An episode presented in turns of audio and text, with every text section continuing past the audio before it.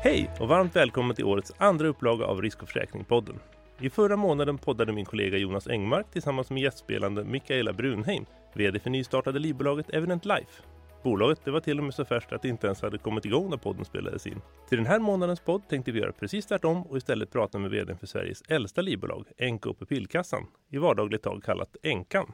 Därför har vi bjudit in Enkans VD Niklas Fredriksson. Varmt välkommen Niklas!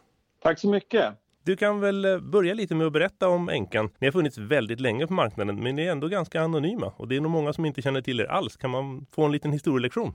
Ja, den börjar vi med. Vi brukar faktiskt säga att vi uppfattar oss nog som världens äldsta försäkringsbolag, livförsäkringsbolag. Vi har inte blivit motsagda på den delen. Vi grundades i början på 1700-talet, eller rättare sagt 1740. Då var det ett hundratal familjer som gick samman med kommersrådet Lisander i spetsen. Tanken var då att det här var ju tjänstemän och eh, man hade inget skydd förutom sin lön och då behövde man ett sätt att skydda sina fruar och barn. För på den tiden så var det männen som jobbade och tjänade pengarna. Därav namnet Enke och pupillkassan. Där enka vet vi alla vad det är, men pupill är föräldralöst barn på 1700-talets svenska. Så att där var grunden till hela idén så att säga. Och Enke och pupillkassan heter ni fortfarande. Ni har inte funderat på något lite modernare namn? Kunderna gillar namnet och det finns något unikt kring själva storyn bakom det. Så att därför så håller vi fast vid det här namnet som är lite krångligt att säga och eh, krångligt att skriva på webben och annat. Men eh, det är uppskattat så därför håller vi fast vid det. Är det även ett krångligt ägarförhållande i bolaget eller hur ser det ut? Det är extremt enkelt ägarförhållande. Det är samma tanke som var från början. Det vill säga att kunderna gick samman för att hitta en bra lösning på sina problem. Att hitta ett gemensamt skydd Det fanns inget kommersiellt intresse, det fanns inget annat intresse än att bara skapa sin egen kundnytta. Och den finns kvar idag. Så vi är ägda av kunderna till 100 procent. Det finns inga andra ägarintressen överhuvudtaget. Vad har ni för produkter och tjänster då?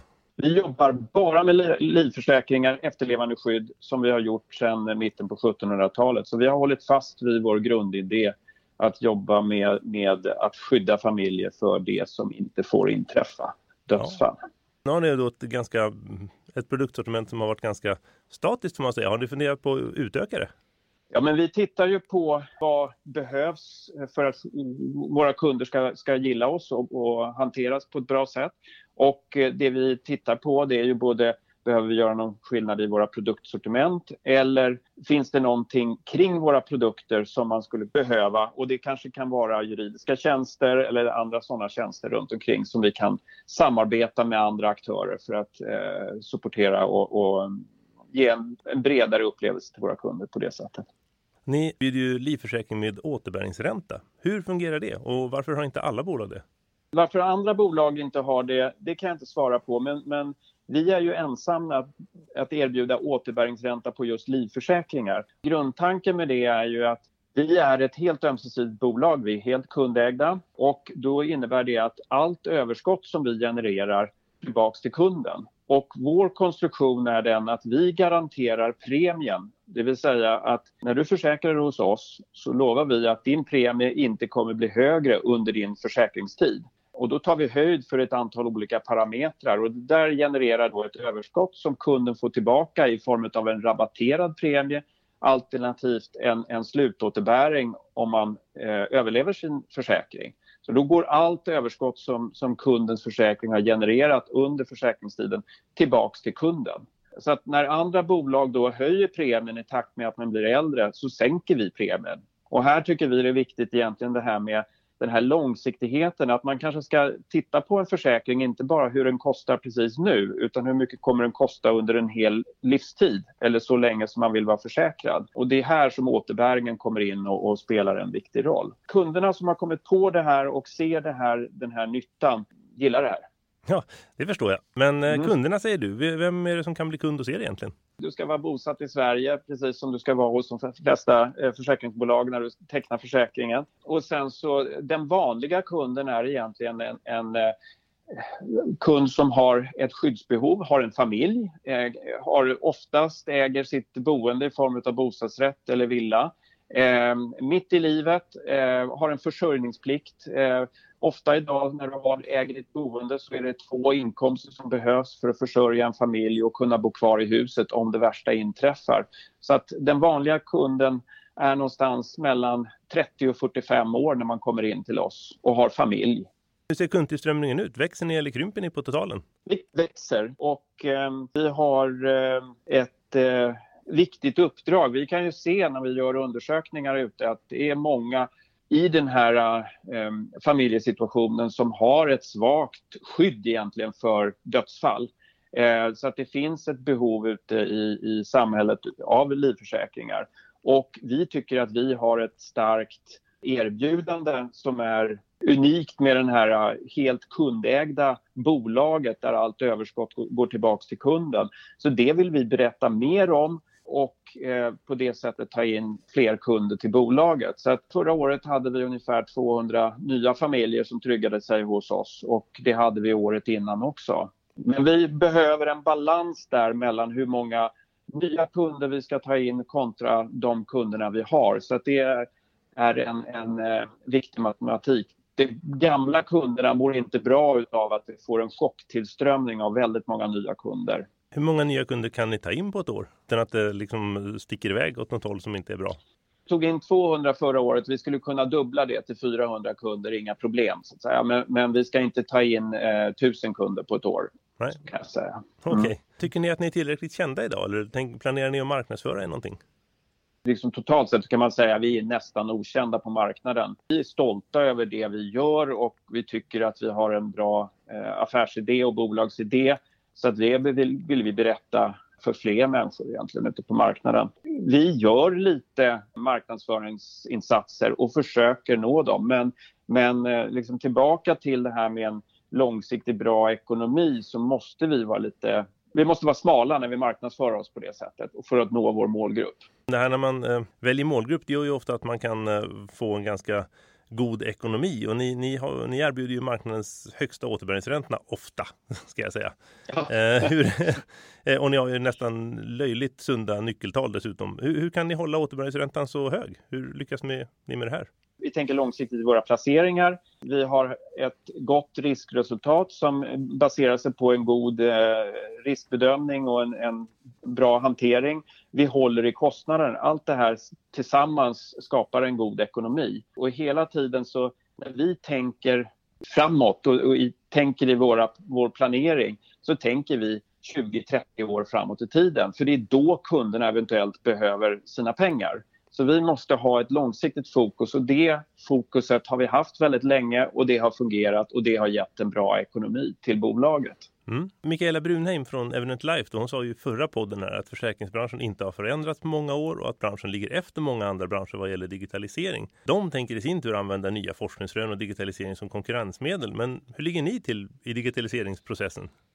Jag tycker ju digitalisering handlar om både tech-sidan, alltså tekniksidan. Men, men digitaliseringen möjliggör också väldigt mycket kundnytta. Eh, och I den här kundnyttan så skapar man också massa möjligheter till transparens. Och ett sånt här bolag som vi driver som, som är helt kundägt har möjlighet att kunna vara helt transparent på det sättet så tycker jag att vi, vi är, ligger i framkant när det gäller eh, den delen, att kunna sätta kunden helt och hållet i centrum. Och sen använder vi tekniksidan som en möjliggörare för att eh, göra det här på ett så effektivt sätt som möjligt. Och jag håller med Mikaela om att branschen har legat stilla väldigt mycket jämfört med kanske bank och finans som har tagit några kliv till när det gäller digitaliseringen och är snäppet eh, före oss eh, i försäkringsbranschen. Men, men eh, jag tycker det är kul med sådana eh, bolag som Evident Life som kommer ut nu på marknaden med en, en ny touch eh, och tänker nytt. Och det finns även på hemförsäkringssidan ett par stycken bolag som har kommit ut och som är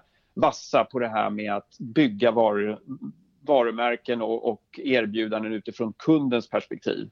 Eh, och vi har ju alltid jobbat utifrån kundens perspektiv. Vi möter den matchen gärna. Det tycker jag ska bli kul. Mm. Hur, hur, många kunder har ni? Vi har ungefär 3000 kunder i vårt bestånd idag. Det kanske inte är så många så att ni ens behöver ha digitala formulär för hälsobedömning, digital övervakning av försäkrade, digital skadereglering. Ni kanske i stort sett kan köra det här manuellt? Jag tycker utifrån eh, effektivitet, ett effektivitetsperspektiv så är det bra att ha eh, grejerna digitalt. Kunderna, eh, de flesta av våra nya kunder som kommer in tecknar dem själva på webben och eh, fyller i en digital hälsodeklaration där. Sen kommer vi förbehålla oss rätten att, att göra riskbedömningen manuellt och titta på det med, med fysiska ögon på det sättet och inte överlåta det till AI och det. Att driva ett bolag på ett säkert och modernt sätt så ska vi utnyttja den digitala tekniken fullt ut. Mm. Men så, um, så ett, ett normalt skadeärende det är en, en blandning mellan digitalt och handpåläggning? Ja, men ett skadeärende tycker jag, där finns det någonting annat i. För att det är ju en katastrof för en familj som har råkat ut för det. För ett skadeärende för oss betyder ett dödsfall. Eh, och där måste vi, Eh, då ska vi visa vårt kundlöfte. Där är det viktigt att vi är personliga i den hanteringen. För att eh, lyssna på vad, vad finns det för behov och vad, hur ska man hantera det. Och sen har vi en handfull skadefall, dödsfall per år. Och då har vi råd att göra det manuellt. Mm, jag förstår. Hur många är det som arbetar hos er? Vi är fyra stycken som jobbar heltid och sen har vi ett kluster med ungefär ett tiotal specialister runt omkring oss som jobbar deltid i bolaget plus en styrelse på sex personer som är väldigt engagerade i, i att driva bolaget också. Mm. Så att eh, totalt sett ett kluster med upp mot en, ett tjugotal personer finns runt i vårt nätverk på det sättet. Ja. Var har ni kontor någonstans? Gamla stan. Ja, eh, såklart. Så vi, sitter i en, ja, precis. vi sitter i en fastighet som vi äger själva faktiskt. Ja. Praktiskt. Mm. Sen, jag tänkte lite det här företagskulturen hos er. Är, är det att ni liksom sitter och, och håller arvet vid liv och citerar Bellman hela dagarna? Eller hur, hur tungt väger det att ni har ett arv från 1700-talet?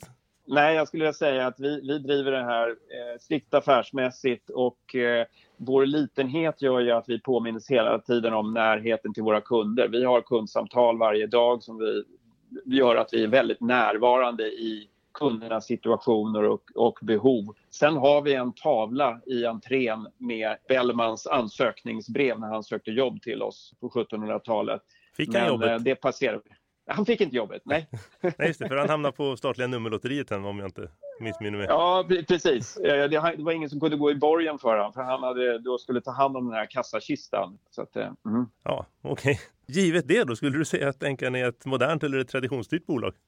Jag tycker vi är moderna. Jag tycker att det är modernt att vara kundägda och fullständigt ömsesidiga och ge tillbaka allt överskott till kunderna. Vi utnyttjar den digitala tekniken som finns till buds på ett, på ett smart och affärsmässigt sätt. Så att jag tycker i allra högsta grad vi är moderna. Har ni märkt av coronapandemin någonting? Förutom att ni jobbar hemifrån då, det kan ju tänkas att ni har haft fler, fler försäkringar som har fallit ut där i med dödsfall. Nej, vi har tack och lov inte haft det. På det sättet som vi har märkt av coronapandemin det är ju dels att vi har ju fått dra i alla de här krisplanerna och, och kontinuitetsplanerna och testa dem live för att se. För det var ju ett i våras eh, när börserna föll och så vidare så, så var man ju tvungen att, att, titta på vad händer om och sen så titta på olika scenarier. Eh, så de har vi tittat på och fått, fått upp dem på agendan igen. Eh, sen har vi märkt också att det har funnits ett stort intresse från kundsidan att faktiskt se över hur är jag och min familj försäkrad. Så att eh, vi har märkt ett större intresse för just eh, dödsfallsförsäkringar, livförsäkringar under den här perioden än vad vi normalt sett har haft. Intressant. Men eh, ja, jätte. Mm. Ja, är det något annat ni har på gång just nu som du kan berätta om? Nej, vi eh, har ingenting sån här särskilt på gång men, men vi följer ju hela tiden utvecklingen och, och det här som Mikaela pratade om och, och det teknikutvecklingen med, med AI och, och annat. Vi följer och det, tittar på det med spänning och ser vad av det här kan vi använda och, och vad kan vara nyttigt av oss. Vi kommer nog aldrig vara först och, och kasta oss in i, i såna här saker men eh, vi följer med intresse på vad som händer på marknaden på det sättet. Om jag ramlar över lite på dig då. Hur hamnade du i försäkringsbranschen från början? Det är ju väldigt många som eh, inte väljer ha försäkringsbranschen som sitt första val utan nästan alla man pratar med har ramlat in här på ett bananskal. Hur, hur gjorde du? Jag skrev min eh, examensarbete på juristlinjen om försäkringar, om badhusbranden i Uppsala. Där tändes mitt intresse på något sätt att, att försäkringar var någonting som handlar om juridik men också ganska mycket affärsmannaskap och, och eh, liksom en förhandling och, och, relationer. Så att efter juristlinjen så, så eh, tittade jag på, på vad ska jag göra? Och då var försäkringsbranschen ett, ett val. Sen hamnade jag inte på sakförsäkringssidan utan jag hamnade på livförsäkringssidan. Så jag har jobbat med pension och livförsäkringar då sedan 1990-talet så att säga. Ja, så där hamnade jag i försäkringsbranschen. Ja. Okej, så du är alltså en av de ytterst få här i världen som frivilligt valde försäkringsbranschen från början. Det är ju det är väldigt starkt. Men, men varför tyckte du att just Enkan skulle vara intressant att jobba för? Enkan har ju ett sånt här bolag som man alltid har sett i branschen. Eh, så att om, om vi är okända utanför branschen så tror jag att de flesta som jobbar i liv och pensionsbranschen har sett det här bolaget. Alltid det minsta bolaget men med den högsta avkastningen. Och eh, sen när jag såg pressmeddelandet då när Lena skulle sluta så, så hade jag en dialog där med, med eh, styrelseordförande och just det här att få kliva in i ett sån här roll där man eh, jobbar både strategiskt och väldigt praktiskt eh, i ett sånt här bolag. Men också den här kundägda, den långa historien utav ett anrikt bolag. Att få det bolaget och, och få, få, vara med och, och vara delaktig i att utveckla det varsamt in i den här uh, tiden där det händer så mycket och där det sker så mycket förändringar. Det tyckte jag var jättespännande. Men du, jag gör så här. Vi avslutar med, med en liten uh, sån här uh, grej för att lära känna dig lite bättre som vi alltid brukar göra här i poddarna när vi har gäster. Så jag mm. kommer med tio påståenden och så får du välja vilket du tycker. Är du med? Mm. Ja. Mm. Yeah. Då sätter vi igång. Hund eller katt? Hund, tre stycken. Ja. ja mm. Såklart, lätt val. Åka skidor utför eller på längden? Om jag måste välja, topptur ska vi upp och köra nu. Så att jag, jag, det är ju en mix av båda, men, men jag gillar båda. Hemmafest eller utekväll på stan? När det då inte är corona ska jag säga. Ja, då tar jag nog hemmafest. Ja. Pop eller rock? Rock. Sommar eller vinter? Sommar. Fisk eller kött? Kött. Öl eller vin? Vin. Italiensk eller tysk bil? Tysk. Romantisk komedi eller actionfilm? En romantisk komedi. Och avslutningsvis, gå på magkänsla eller analysera länge och noga? Mitt emellan, men i sådana fall så väger det över att analysera noga. Såklart, det var nästan tvunget att svara så, eller hur? Bra! Ja men du, då har vi ju Örnens koll på, på dig här. Ja, tack så mycket för att jag fick komma med och eh, prata med dig idag. Ja, visst. Tack då så väldigt mycket för att du kom hit Niklas, om än i digital form. Och tack så mycket för att du lyssnade på Risk och försäkringspodden. Producent är som alltid Julia Siverts och jag är som alltid Georg Ebert, redaktör för Risk och försäkring. Nästa månad återkommer vi med en ny spännande gäst. Vem det blir, ja det får du höra nästa månad. Ha det fint till dess. Tack och på återhörande.